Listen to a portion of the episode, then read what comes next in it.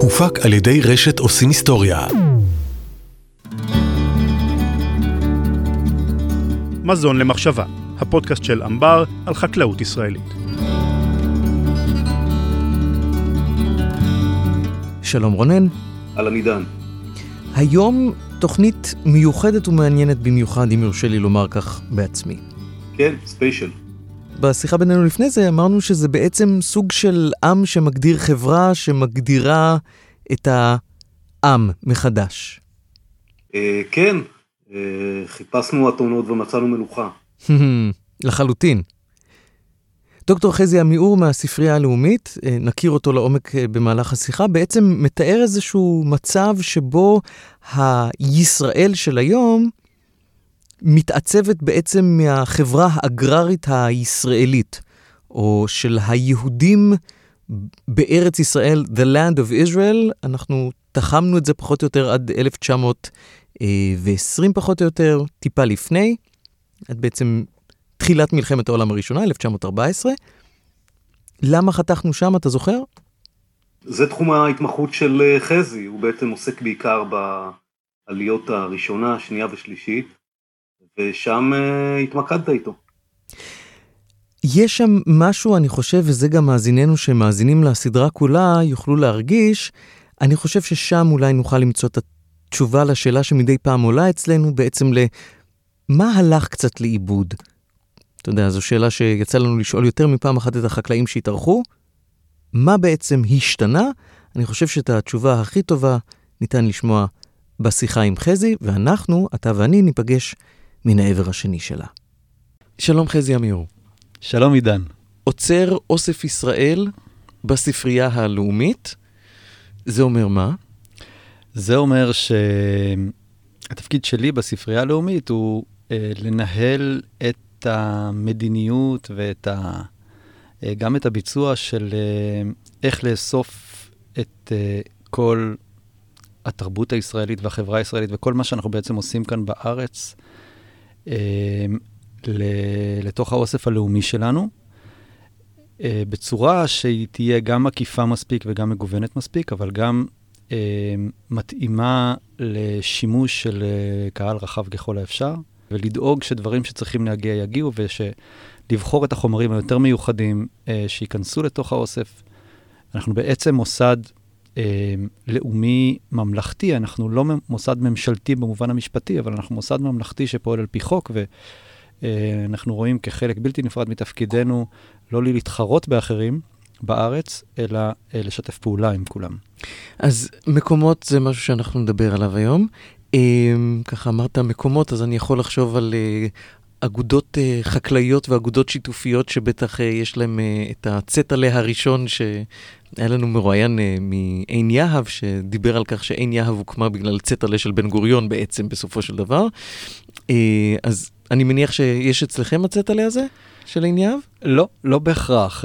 אז אנחנו נעשה קשר בינך לבין רמי. נכון, בדיוק ככה. זה מה שאמרתי, שהדברים הם לא אוטומטיים, אלא יש המון שיקול דעת והמון אילוצים והמון uh, שיתופי פעולה ברמות שונות. אז אנחנו נדאג לתת לך את הטלפון של רמי ו... ותסגור איתו את העניין הזה של הצטלה. אז בוא נדבר שנייה אחת. מעניין אותי מה הארטיפקט הכי אה, ותיק שיש לכם. אוסף ישראל, אנחנו מחשיבים אותו באופן סכמטי כמובן, אה, כאוסף של כ-200 השנים האחרונות. עדיף לדבר לדעתי על אה, מה יותר אה, חשוב או מרגש מאשר מהו הראשון, כי זה יכול להיות דבר בנאלי. אה, כי לפני 300 שנה גם יש דברים, אז כך שזה, כך שזה פחות חשוב. אז אם מסתכלים על אוספי הספרייה בכלל, יש uh, כתבי יד דווקא אסלאמיים מוקדמים מאוד uh, של הקוראן או של uh, חומרים, וכתבי יד אסלאמיים הם דבר מרהיב ביופיו, יותר מכל כתב יד אחר. ויש כמובן חומרים יהודיים מוקדמים מאוד. הייתי אומר שה... הדבר המרשים ביותר שאנחנו מראים למבקרים החשובים ביותר, כמובן הוא סרוק ונמצא ברשת, אבל זה כתב ידו של הרמב"ם, למשל. בתחום שלי, אה, אני חושב שהדבר הנוגע ללב ביותר, לליבם של כמה שיותר אנשים, זה כתב ידו של אה, נפתלי הרץ אימבר לתקווה, שהוא כנראה היחיד בעולם ש, ששרד בעצם, שאימבר כתב את התקווה בכתב ידו, עם סיפור מאוד מאוד מעניין משלו, איך נוצר הכתב יד הזה ואיך הוא הגיע לספרייה הלאומית מאמריקה. ועוד כהנה וכהנה בלי סוף, אה, דברים שהם גם קשורים ליצירה ותרבות, אה, וגם קשורים לנושאים שאנחנו נדבר עליהם היום, להתיישבות ולפיתוח הארץ. אז אני מבין ש, שכשאתה אומר אוסף ישראל, אתה מדבר על האוסף של ארץ ישראל, The Land of Israel, לאו דווקא... The Land of Israel וגם מדינת ישראל, כולל היישוב שלפניה. כן, ככה אנחנו מנהלים את זה, זה... זה זה חשוב uh, למעט מאוד אנשים, אני אחד מהמעט מאוד אנשים האלה, כי הספרייה לא מציבה גבולות.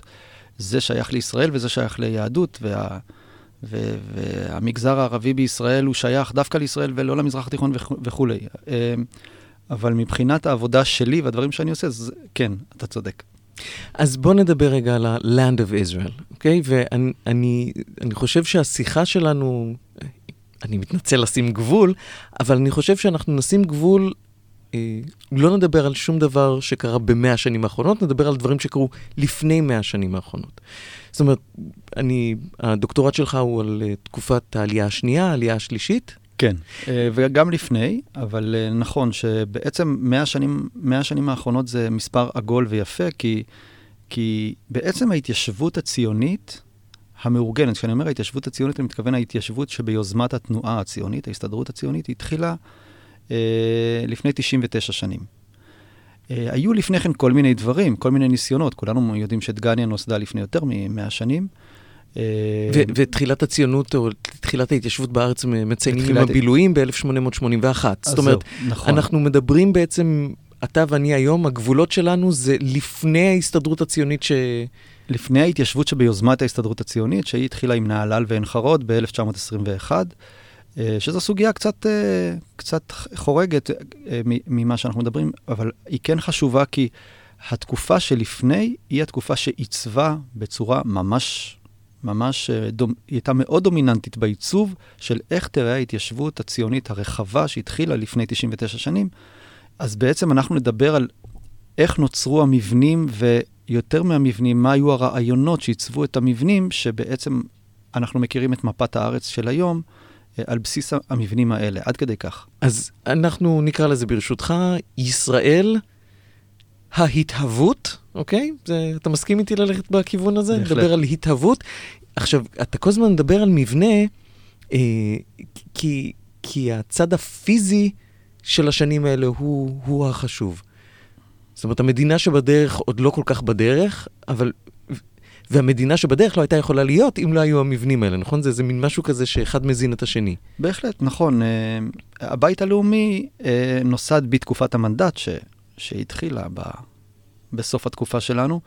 Uh, על, על, על אדנים מאוד מבוססים של, ש, של מחשבות וניסיונות ותיאוריות ומחלוקות ו, וחילופי רעיונות, ש... הם פרי של אה, לפחות 30 שנה לפני כן. אז בוא רגע רק נכניס קצת לפרופורציות. אתה יודע, היום ישראל, 2020, 9 מיליון תושבים, 9 מיליון אזרחים, הייטק, אה, מדינה מפוארת.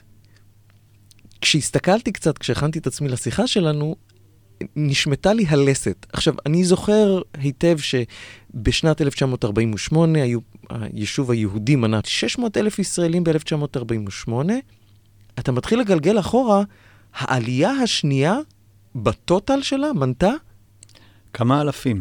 זאת אומרת, 1914, רגע לפני מלחמת העולם הראשונה, 35 אלף איש. האוכלוסייה כולה, אחרי, האוכלוסייה, בסוף כן, העלייה השנייה. בסוף העלייה כן, השנייה. שרובם הגדול הם אה, או מתיישבים מאוד מאוד ותיקים של מאות שנים בערי הקודש, מה שנקרא, או מתיישבים במושבות של העלייה הראשונה, שהם uh, טיפוס אחר לגמרי, uh, מכל בחינה אפשרית, uh, מאנשי העלייה השנייה, שזו התקופה שאנחנו מדברים עליה, של תקופת העלייה השנייה. בעיצומה של תקופת העלייה השנייה המשיכה להתפתח גם התשתית ה- הלא עלייה השנייה. Mm-hmm. וכמובן גם האוכלוסייה העירונית שהתחילה להתפתח, תל אביב מעל כולם, אבל... אה, ב-1909 שהיא הוקמה. כן, קודם זה היה ביפו, וב-1909 כן. זה כבר היה תל אביב. אה, וזה, וזה הכל, ו, ו, ולא רק זה, אלא שאמרת שזה ערב מלחמת העולם הראשונה. המעט הזה חטף כזאת מכה במלחמת העולם הראשונה, אה, של מוות מרעב, ממחלות, ירידו, ירידה מהארץ, כך שאפשר לומר שבסוף המלחמה, ערב העלייה השלישית, מיד אחרי הצהרת בלפור, אה, התחלנו מאפס. פחות או יותר אפשר לומר שהתחילו מאפס מבחינת בניית האוכלוסייה, מבחינת ה, ה, התשתית הפיזית שהייתה בארץ. אני חייב, סליחה, אני פשוט יושב מולך, אני, אבל בתוכי יושב איזה ציניקן קטן שאומר, 35 אלף איש, לעזאזל, על איזו בנייה אתה מדבר? כמה כבר אפשר לדבר על בניית תשתיות ב-35 אלף איש? אז בוא, בוא רגע, אתה יודע, ניקח עכשיו זום אאוט עוד יותר, ונדבר רגע על מה זו הבנייה התשתיתית הזו שאנחנו מדברים עליה. אנחנו בעצם מדברים על חקלאות. על חקלאות. לא ה... על תשתיות של כבישים. אה... דווקא כן, זאת אומרת... אה...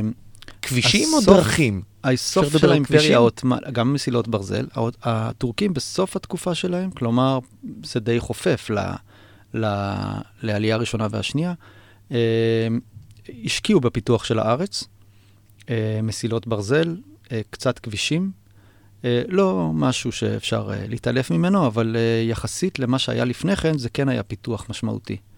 התשתיות הן היו מאוד מאוד בלתי מפותחות, והמעט שכן פותח נועד או לחציית הארץ, מסילות הברזל, או למעט הפעילות הכלכלית ש, שנועדה לייצוא, כי כל היתר היה מאוד אוטרקי ומאוד מקומי.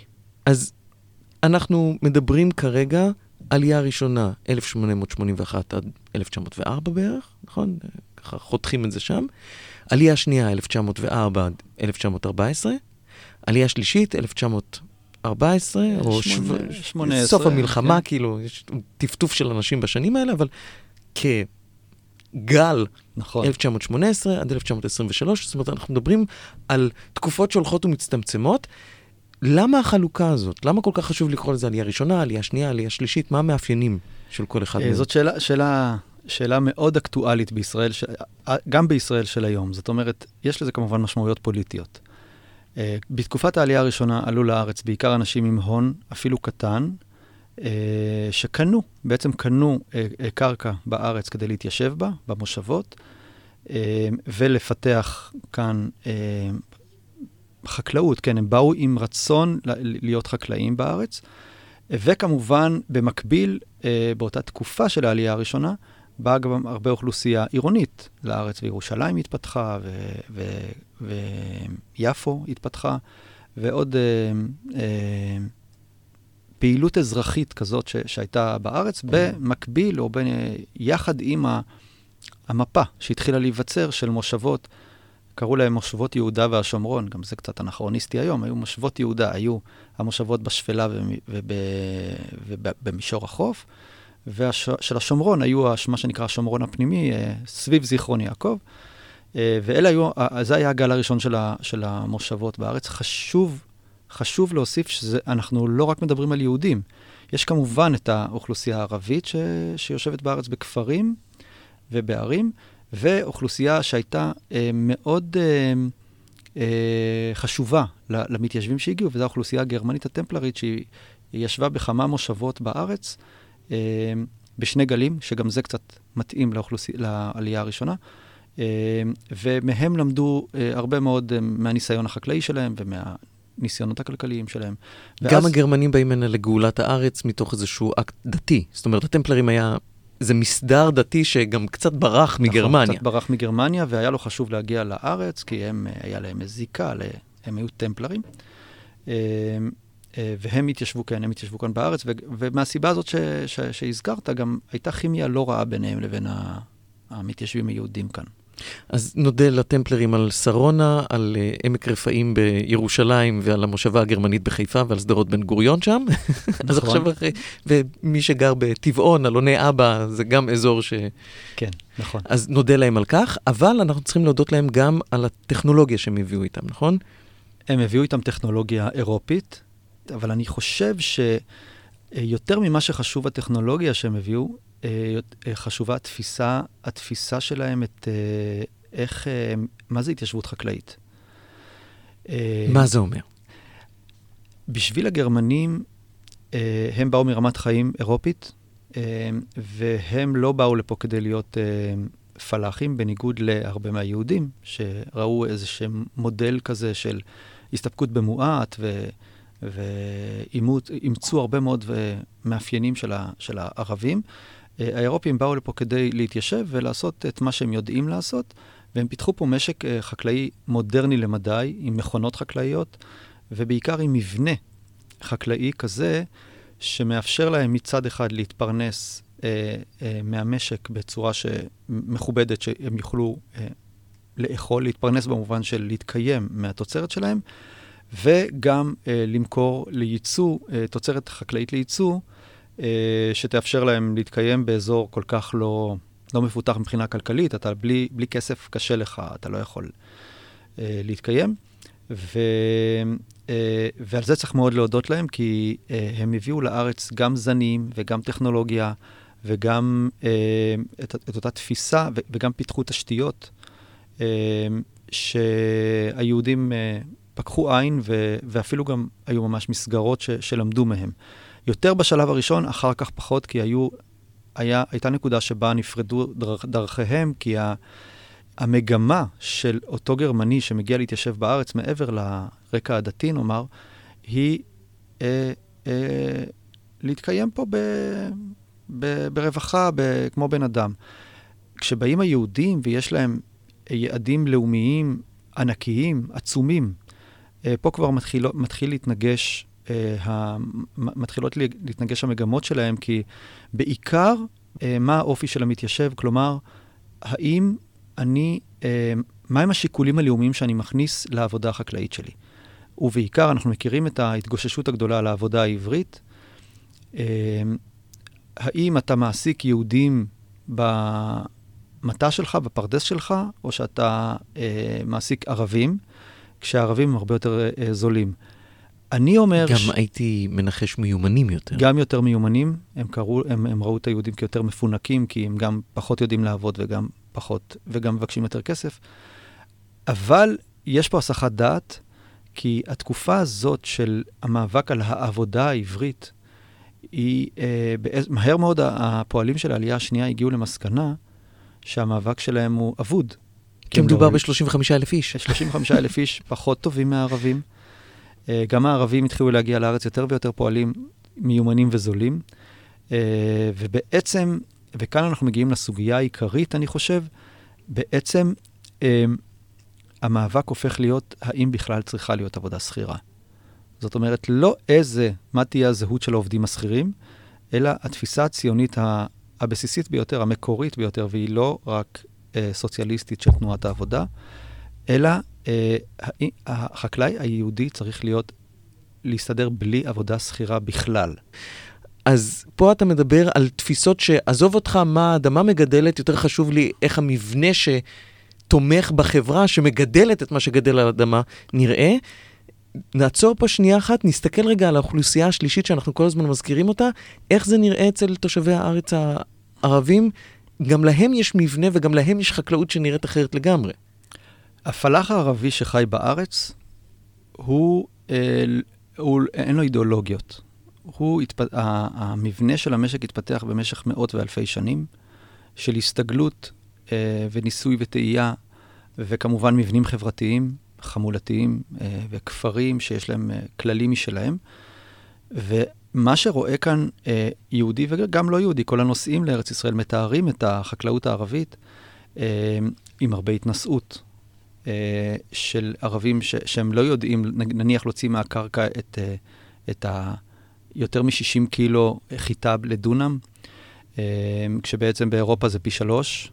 60 קילו לדונם זה באמת רק ההזנה המיידית של הסביבה שלך. כך, כך חי הפלאח הערבי. עכשיו, התמיהה הזאת שלך הייתה, הייתה של כולם. דעקה שהמתיישבים הראשונים בפתח תקווה לא הצליחו. הם הביאו מחרשות אירופיות והם הביאו אה, ידע, נניח ידע. הם לא ידעו הרבה, אבל... והם אה, ניסו והצליחו פחות מהערבים. שזה היה שיעור ראשון. אה, בצניעות, אני מניח. בצניעות ו, ובכוח של הניסיון אה, החקלאי, או, או בכלל הטכנולוגי של, אה, של מי שיושב כאן בארץ הרבה מאוד שנים. אמ, אבל זה הספיק להם, כי הם צריכים שיהיה להם את הלחם לשנה הזאת, ואם בשנה הבאה אה, יהיה פחות, אז הם יהיו יותר רעבים. או יהיה להם פחות uh, כסף.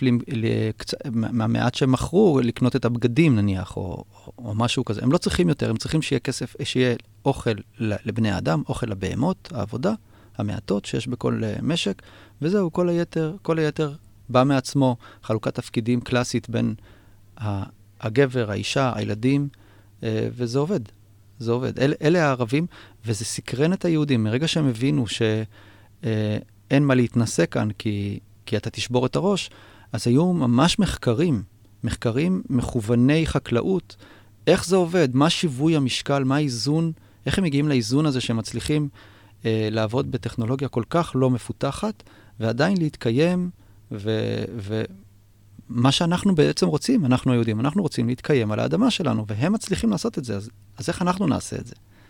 וכל העבודה היא עבודה של למצוא את המודל היהודי שמתאים לארץ ישראל, להתיישבות כזאת, והערבים היו מודל למי שיושב על הקרקע, יושב על האדמה, הוא לא יוצא מהאדמה. החוויה היהודית המוכרת מהגלות, כמובן אנחנו מדברים בעיקר על אירופה, היא של יהודי שלא מתפרנס מחקלאות והוא לא מחובר לאדמה.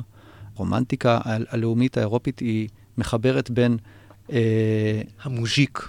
המוז'יק למשל ברוסיה, אבל גם בארצות אחרות. כל uh, מדינה אירופית וגם בעולם החדש uh, מבינה שהעיקר הוא האדם שיחזיק את הקרקע הלאומית, ולא רק שהוא פיזית יחזיק את הקרקע הלאומית, אלא הוא גם יהיה עמוד השדרה החברתי. הכל ילך מסביבו, גם התעשייה שמתפתחת, אנחנו בעידן תעשייתי, uh, והערים שגדלות בצעדי ענק, ומזה היהודים ברחו, הציונים רצו ליצור חברה חקלאית, ההפך מכיוון ההיסטוריה בעצם. ההפך מחברה תעשייתית. מחברה תעשייתית. אה, ולא רק הם, התנועות הלאומיות בכל אירופה ניסו ליצור אה, תגובות נגד להליכה אל הכפר, ההליכה מהכפר אל העיר, שבעצם מדלדלת את המעמד של האיכרים, ויוצרת אה, אה, ערים גדולות ומשבשת את המעמד החברתי, את, ה, את המבנה החברתי. אה, בגלל שאותו יהלום של העיקר, העיקר הפשוט, הולך ומדלדל. כי, כי מסיבות אה, של אה, המבנה הכלכלי הזה, שלא יכול לתמוך בחקלאות מסורתית של עיקר קטנה, בקנה מידה קטן, הוא מדלדל, ובעצם תלו בזה את כל החולאים של החברה. אוקיי, okay, אז אחרי, אתה יודע, אני, אני שנייה אחת חושב עכשיו שיש כמה מאזינים שיושבים ברמזור ומנסים להבין כמה רחוק הגענו, בוא תעזור לי, לעזור לנו, לעזור להם, להצטמצם חזרה, איך מה שתיארנו על תהליכי איור מואץ בגלל uh, היהלום שבכתר ש, שלאט לאט uh, הולך ומואם זוהרו, איך זה נראה פה? נניח, תבחר שנה, שנוחה לך, 1900 ו... בוא, בוא ניקח את uh, 1909. אוקיי. Okay. תל אביב מוקמת, הנה, נכון. בבקשה, הגענו לאיור. נכון, מוקמת uh, העיר תל אביב. העיר תל אביב היא, היא לא מקרה והיא לא uh, טעות. העיר תל אביב היא חזון, uh, חזון של uh, uh, להקים ב, במרכז ה, ה, ההתיישבות היהודית בארץ, uh, עיר מודרנית עם, uh, עם uh, שכולה על טהרת העברית, כלומר שמהותה היא עברית, עם כל התרבות והתיאטרון והכול. אה, באותה שנה, אה, זו השנה הראשונה של אה, כנרת, של חוות כנרת. לכאורה זו סתירה, אבל זאת לא באמת סתירה. אנשי כנרת, או הפועלים שעבדו בחוות כנרת בשנה הראשונה שלה, הם לא רצו להיות עירונים, הם רצו להיות חקלאים. אבל הם כל הזמן נמשכו לתל אביב כמו פרפרים, ש, שלא יכולים להימנע מזה, מלהגיע אל אותו מקום תוסס, אל העיר. וזו שנה מאוד מעניינת, כי היא, היא התחלה של שני דברים עצומים, עצומים, אה, שמשפיעים עלינו עד היום. תל אביב היא עד היום המרכז הארצי של התרבות העברית, אה, וכמובן הרבה יותר מתרבות. ויחד עם זה, בעמק הירדן הרחוק, ש, ששם פשוט הצליחו לקנות קרקעות, והיה צריך לעשות איתם משהו, שם בעצם נוצר, נוצרת אה, ההתחלה של התיישבות עובדת. שם יש קרקע, שם יש מים. אה, דגניה, כמה אנשים הקימו כמה חודשים לפני כן, בצד השני של הירדן, אה, איזה מין, לקחו בחכירה כמה, כמה דונמים. אה, וזה באמת התקופ, השנה שבה מתחיל מצד אחד הכשרה מסיבית של אה, פועלים חקלאיים יהודים, אותם פועלי עלי השנייה, הנה, בואו נתחיל בצורה מסודרת ל- ליצור קאדר של מת, פועלים חקלאיים שיודעים לעבוד, והם גם כמובן יהיו המתיישבים העתידיים של התוכניות, החלומות הגדולים. אה, בערך באותה שנה גם בבן שמן, אה, היה החווה השנייה של הלימוד. ולכן זו שנה טובה, כי אה, תל אביב, שהתחילה להתפתח מאז בקצב מפלצתי, וההתיישבות העובדת הרבה פחות, כי בעשר השנים הבאות אין יותר התיישבות. יש ניסיונות פה ושם, הכל בגדר ניסיונות, גם קבוצת כנרת, גם, גם דגניה, גם אה, מרחביה, אלה המקומות שהיו בעמקים בצפון, אה, ובדרום, שוב, פה ושם אנשים שנודדים ממקום למקום. זאת תקופת הניסיונות, והניסיונות הם איך אנחנו מייצרים את אותו מעמד פועלים חקלאי נכסף, שאנחנו מהרצל ועוד כמובן לפני הרצל, כולנו מחכים לראות את אותו בסיס מעמדי רחב שעליו אפשר לבנות את הכל. הכל צריך להיות בנוי על אותו מעמד רחב, רחב, פשוט רחב, כדי שהוא יהיה, הפירמידה תהיה לה, יהיה לה בסיס רחב. עכשיו, כשאתה אומר הפועל החקלאי, שוב, אתה פשוט זרקת את זה קודם, ואני זה, אנחנו לא מדברים על מישהו שיהפוך להיות שכיר באיזשהו מקום. השנים הראשונות הן עדיין השנים של המאבק על העבודה העברית, אבל החזון הוא חזון שהולך ומתגבש באותם שנים של, לא, של עיקר עצמאי. של מי שמתיישב על אדמתו, הקיבוץ בכלל לא בא, באופק, אין קיבוץ, אין דבר כזה קיבוץ, גם דגניה לא הייתה קיבוץ במובן שאנחנו מתכוונים אליו, אלא אדם שישב בכפר, יוקמו כפרים עבריים או יהודים אה, של משפחות שיאבדו את, אה, את האדמה ש, שתהיה להם. זה החזון שכמו אה, שאמרתי, הרצל דיבר עליו ונורדאו דיבר עליו ודיברו עליו לפניהם אפילו, גם הוגים של המשכילים המאוחרים, אחד העם ולילנבלום ועוד אנשים, ואחריהם גם האנשים מתוך תנועת העבודה, גורדון ו- וברנר, ואנשים שהתחילו לפתח את זה בארץ ישראל עצמה. זאת אומרת, אם בצד ימין הם לומדים מהתושבים הערבים את היכולת אה, לייצר את הקבוצה הזאת, שיודעת לחיות מהאדמה בתוך קבוצה קטנה, ומהטמפלרים הם לומדים את כל הטכנולוגיות נניח, הקבוצה של היהודים באמצע היא משהו נורא נורא מתוכנן. זאת אומרת, הם בונים כבר, זה לא, זה לא כפר שיודע לדאוג לעצמו, אלא זה מערכת של כפרים שיודעת לדאוג אחד לשני לשלישי. זה נכון מאוד. אה, בפועל, אה, כשזה יוצא לפועל. אמרנו, אנחנו עדיין בעשור נניח של הניסיונות והגישושים, בעשור הבא זה לגמרי כמו שאתה אומר, זאת הייתה אה, מדיניות התיישבות מתוכננת, וזה מדהים כי זה נעשה בלי סמכות. זאת אומרת, hmm. זה לא שהייתה מדינה שיכולה לכפות או יכולה להשקיע כספים, הכל היה וולונטרי. ועדיין ההתיישבות העובדת שנכנסה תחת כנפי התנועה הציונית, בעצם התנועה הציונית אמרה, מי שהקבלן ביצוע שלי הוא ההתיישבות העובדת, הם מקבלים את עיקר השטחים, הם מקבלים, השטחים כמובן הבעייתיים, שצריך אידיאליסטים שילכו להתיישב בהם. הם מקבלים את השטחים, בעיקר בעמק הירדן ועמק יזרעאל, וזה עובד ככה. כמה שזה קשה להבין שגוף ללא סמכויות, כשיש שלטון אחר, שלטון בריטי בארץ, וגוף ללא סמכויות, ש... וגם כסף כל כך הרבה לא היה. תמיד, תמיד, תמיד היה יותר כסף פרטי מכסף ציבורי בארץ, ועדיין, בעזרת הכסף הציבורי הזה, אה, הצליחו ליישב את הארץ ולתפוס אלפים אלפים של דונמים, עם, וזאת, וזה יעד מאוד מאוד חשוב, שעל כמה שיותר, אה, שהתפיסה של השטח תהיה, תזכור, בלי עובדים אה, שכירים. אם יש עובדים שכירים, אני יכול להקים חווה של 100 אלף דונם ולהעסיק עליה איקס עובדים. וזה לא. לא משנה עובדים שכירים מאיזה דת, לא גזע, משנה, לא משנה, לא- מוצא, לא, גם לא עובדים לא שכירים יהודים. כלום. לא עובדים שכירים יהודים, רק מתיישבים עצמאיים שהם יחיו בקואופרטיבים ברמות שונות. הקיבוץ הוא קואופרטיב מתקדם, אבל גם קואופרטיב בסיסי יותר, שאנחנו מכירים אותו בתור מושב העובדים נניח, אה, ישבו ברשתות, בדיוק כמו שתיארת את זה, ברשת אה, התיישבותית אה, של כפרים. עם ערי מחוז, עפולה, דוגמה מובהקת של עיר מחוז, וכמובן ערים גדולות שנועדו לתשתית כלכלית יותר רחבה, אה, וזה פשוט עבד. ככה במשך 30 שנה עד מדינת ישראל זה עבד.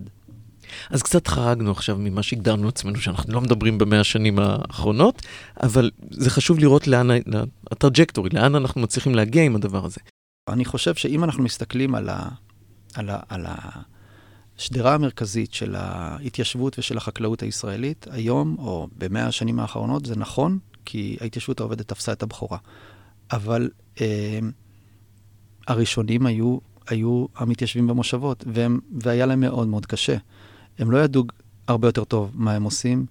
הם נפלו בשנה הראשונה, כבר נכנס הברון רוטשילד והחזיק אותם, פשוט החזיק את, את כמעט את כולם. השיטה החקלאית שלהם הפסידה, אפשר לומר. זאת אומרת, השיטה החקלאית של גידול ענף אחד, אני מתמחה בענף אחד ושואף בדרך כלל לייצא אותו, את התוצרת, הפסידה לשיטה שאומרת, לא, המשק הוא משק מעורב, ואתה עובד בכוחות עצמך ללא, ללא עובד, עובדים שכירים, אתה מפרנס את עצמך, אתה אוכל את רוב מה שאתה מייצר, ורק את היתרה אתה מוכר בחוץ, אה, וככה הערים גם יוכלו אה, להתקיים. וזאת השיטה שכן ניצחה.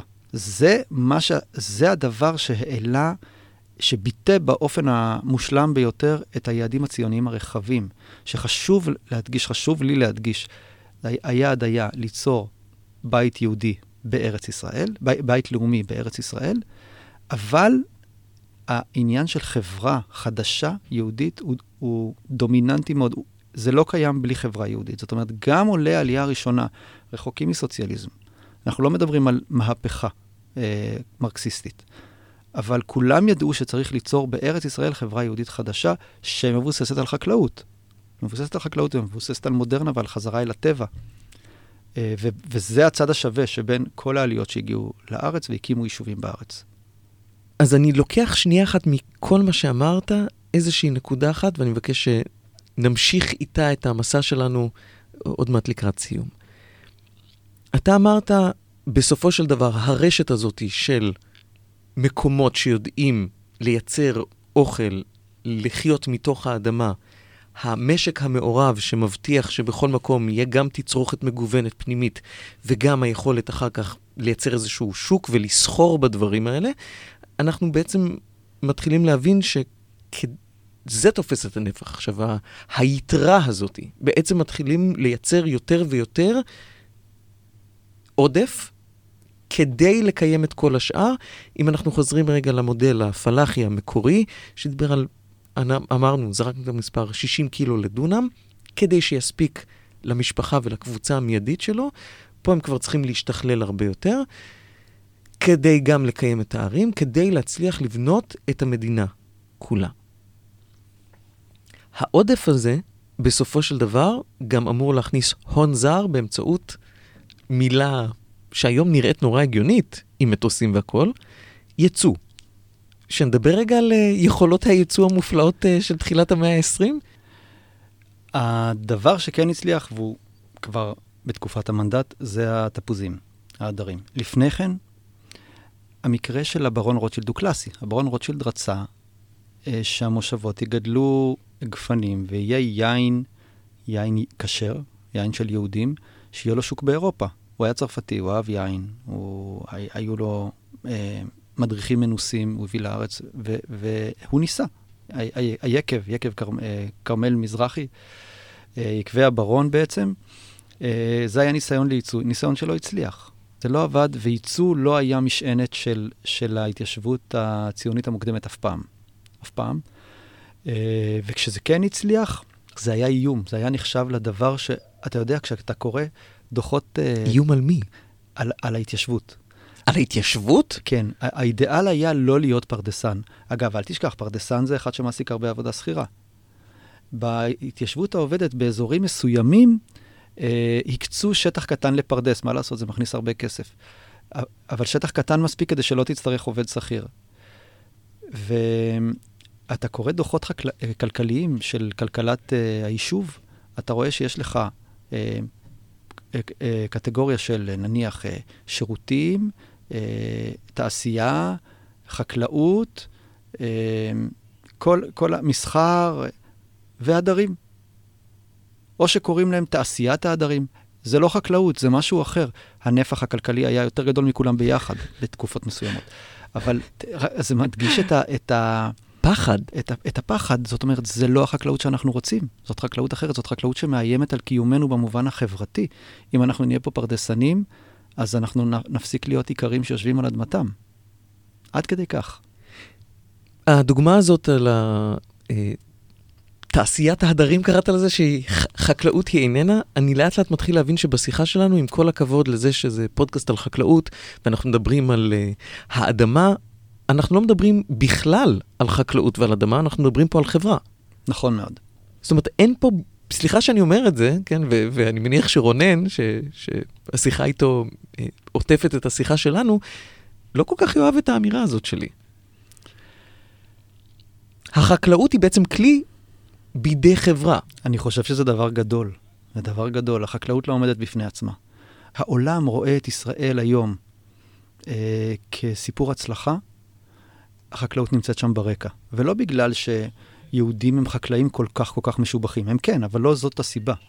הסיבה היא שהחקלאות היא הבסיס שנועד מלכתחילה וגם בפועל הצליח להיות זה שעליו נוצרה פה אותה חברה חדשה ואותה מדינה כל כך מעניינת ומסעירה, ועליה גם מולבש החידוש המדהים של הקיבוץ. זה לא מפחית מהחשיבות של החקלאות, זה רק מעלה אותה. זאת אומרת, זה שם את החקלאות בתור הדבר שהוא לא אה, אה, איזה, כמו שאמרנו, ענף חקלאי. הוא הדבר שעליו הכל בנוי. זאת אומרת, אני עכשיו לאט לאט מתחיל להקשיב לך, לסאבטקסט שלך, ואני מקווה שאתה לא תכעס על ההערה הבאה שלי.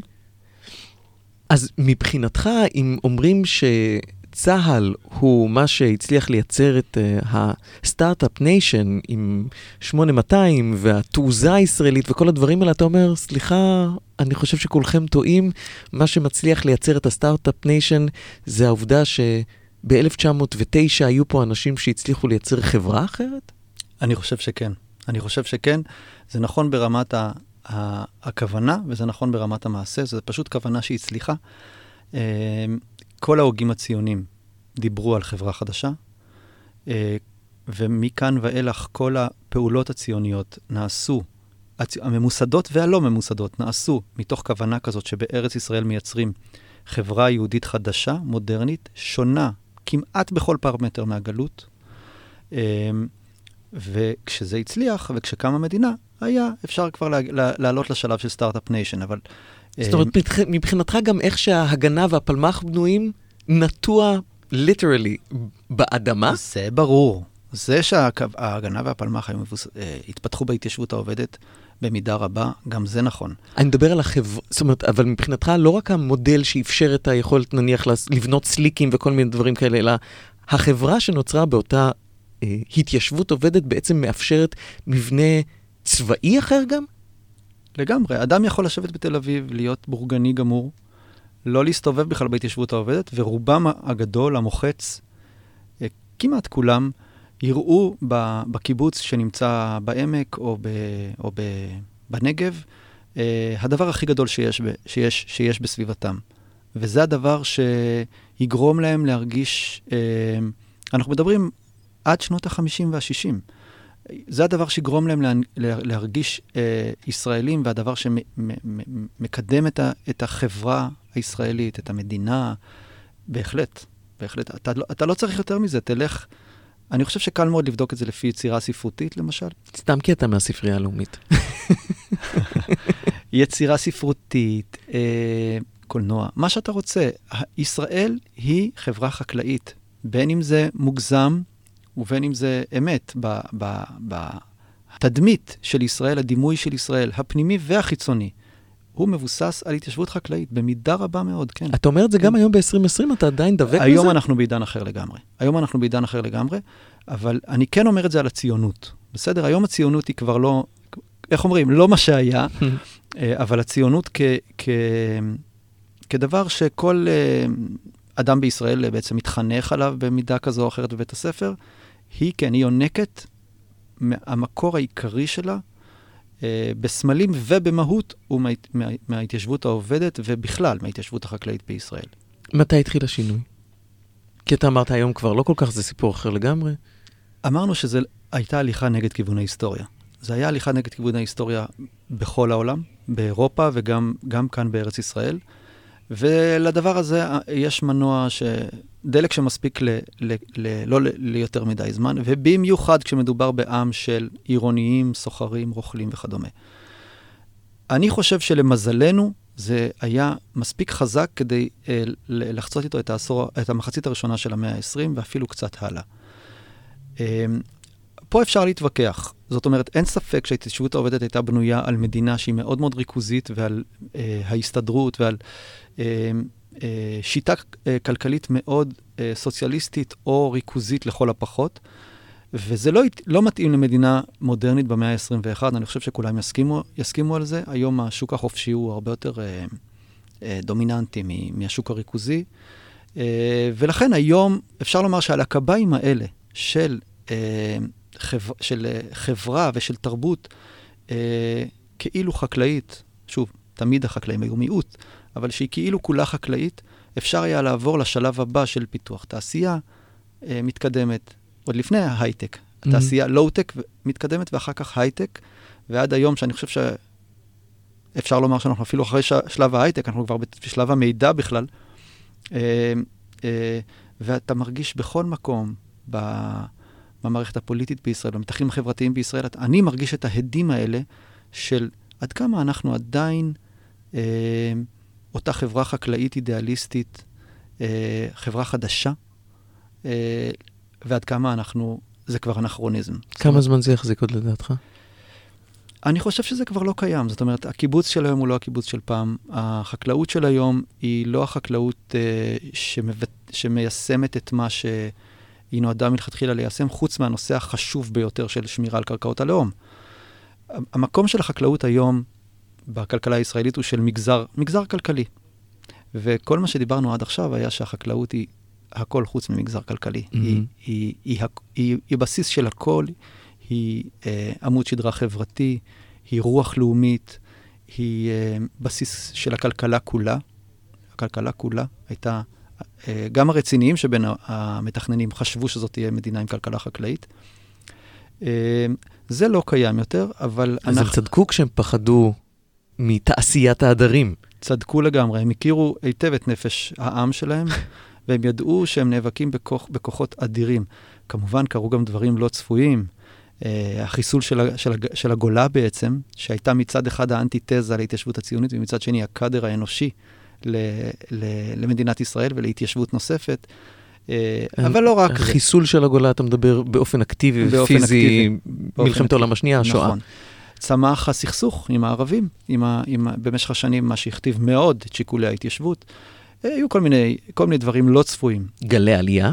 גלי, גלי עלייה זה דבר שהיה מתוך, אה, חלום קבוע של, של תמיד. זאת אומרת, תמיד... אבל הוא משנה מאוד. כשיש לך מיליון עולים מרוסיה, או מברית המועצות, לש... מדינות ברית המועצות לשעבר, אתה... לא כולם יכולים להיות חקלאים, והרבה מאוד מהם גם הגיעו מ... מרקע עירוני. מהר מאוד, אה, אה, אולי אפילו כבר מההתחלה, ההתיישבות העובדת, ההתיישבות החקלאית הפכה להיות אה, אה, אליטה. שהטובים מגיעים אליה, או הטובים אה, מיועדים אליה, והרוב וה, לא יכול לעמוד בזה.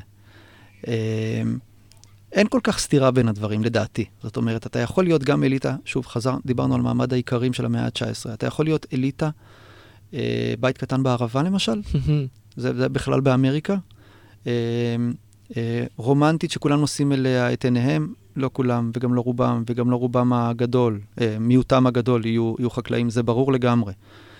אה, אבל החקלאות, אני חושב שעד היום, ההתיישבות, אה, ההתיישבות החקלאית בישראל של היום, היא במידה רבה הרוח של, של הרוח הישראלית, אולי אפשר לומר. שוב, אני לא רוצה להיות אנכרוניסטי, ואני לא רוצה להלביש על אנשים אה, היום מה שקרה, מה שהיה לפני שלושה דורות. העולם שונה לגמרי, אנחנו שונים לגמרי, הכל שונה. גם החקלאות שונה לגמרי. החקלאות שונה לגמרי. הכל שונה. אבל אני כן חושב ש... אה, תן לבן אדם לצאת לטייל, והוא יצא לראות את, ה, את אתרי ההתיישבות, הלב שלו יתרחב, וזה לא סתם. זה לא סתם, זה בגלל שזה יושב אצל כולנו באיזושהי נקודה. גם מי שבא ל, לישראל אחרי תור הזהב של החקלאות הישראלית. הם ידעו שהם באים למקום שהוא הזוהר שסביבו, של אותו יהודי חדש שבמשך אלפי שנים חיכו לראות אותו, הנה הוא נוצר פה בזכות זה. בזכות זה? דוקטור חזי עמיאור, חוקר ההתיישבות הציונית, עוצר אוסף ישראל בספרייה הלאומית, תודה רבה. תודה, עידן.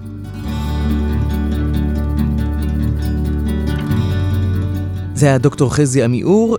רונן, אני חייב להגיד לך את האמת שכשאני מקשיב אה, שוב לשיחה הזאת, אני מרגיש כאילו איפשהו היהודים או בני ישראל חזרו לתקופת הפירמידות, כי מה שהוא מתאר זה פחות או יותר הפירמידה שיצרה את מדינת ישראל. כשהוא מדבר שם על מצד אחד העיר שמתהווה לעומת הספר שמתהווה, ובעצם היכולת של הספר לתמוך מבחינת מזון, מבחינת uh, תוצרת, בעיר כדי בסופו של דבר לקיים את המדינה, מעין הפירמידה האגררית הישראלית. אה, כן, חזי בעצם דיבר על uh, כמה דברים שבעצם מדגישים שהחקלאות והקרבה לאדמה היא הבסיס החברתי שאנחנו בעצם נשענים עליו, או נשענו עליו, והוא הזכיר גם את ההקמה של תל אביב של חוות כנרת ב-1909, ובנוסף הוא דיבר גם על uh, על העיר עפולה, שבעצם הייתה עיר מחוז של היישובים בעמק, ובעצם אפשר באמת לראות שם את הפירמידה שאתה מדבר עליה. עכשיו, אתה יודע, אני אמרתי לפני השיחה איתו שאולי כך נוכל ללמוד מה הלך לאיבוד, הוא, הוא נוגע לא נוגע בדבר. אה, כן, נוגע לא נוגע, ואני חושב שבעצם אה, בפרקים הקודמים של הפודקאסט באמת ניסינו מכל מיני כיוונים לגעת בזה, והפעם אנחנו נכנסים ככה ללב של העניין, אבל מה שבאמת יוצא מהשיחה עם חזי, מעבר לעובדה שהחקלאות אה, אה, היא סוג של בסיס חברתי, אז בעצם גם שם אה, חוזר הנושא שבעצם החקלאות אה, גם מסייעת לשמור על הקרקעות, אה, שהיא גם ענף כלכלי שהוא ענף כלכלי מהותי, ובסופו של דבר אה, אנחנו חוזרים שוב לנושא הביטחון התזונתי, זאת אומרת אה, שם העודף אה, הצליח לכלכל את התושבים בעיר, אה, והיום אה, גם כן, בסופו של דבר ההתיישבות העובדת אה, עדיין מכלכלת את היושבים בעיר וגם את היושבים בהתיישבות החקלאית. מרגיש אבל קצת כאילו מדובר פתאום בהתיישבות העובדת באלף, לא נעים לומר. הוא דיבר אז על תעשיית ההדרים שקיבלה את העמודה משלה ובעצם ניסו להרחיק, אתה יודע, ההתיישבות העובדת או הקיבוצים, המושבים, בעצם התעשייה החקלאית או החקלאות הישראלית ניסתה להרחיק את עצמה מתעשיית ההדרים, וזה די התפוצץ בפנים, לא? בסופו של דבר אני חושב שמה שחשוב הוא שממדינה שלפני שהיא קמה היו בה 35 אלף אה, יהודים, אה, ובעצם אה, בקום המדינה היו כאן משהו כמו 600 אלף, היום יש סדר גודל של 9 מיליון תושבים, וכולם בסופו של דבר אוכלים מהתוצרת החקלאית של, אה, של החקלאים, שרובם ככולם אנשים שגרים במושבים ובקיבוצים. ואתה יודע מה רונן, מבחינתי אולי עכשיו כשאני חושב על זה, גם על התשובה של חזי, גם על התשובה שלך, אולי בסופו של דבר מדובר בתמונת מראה. אולי בסופו של דבר התהליכים שבנו, עכשיו אנחנו סוגרים מעגל ומסתכלים מתוך איך שהחברה נראית היום, על החקלאות שבעצם מהדהדת את החברה, ולאו דווקא ההפך. רונן שחורי, חברת אמבר, תודה רבה. תודה לך.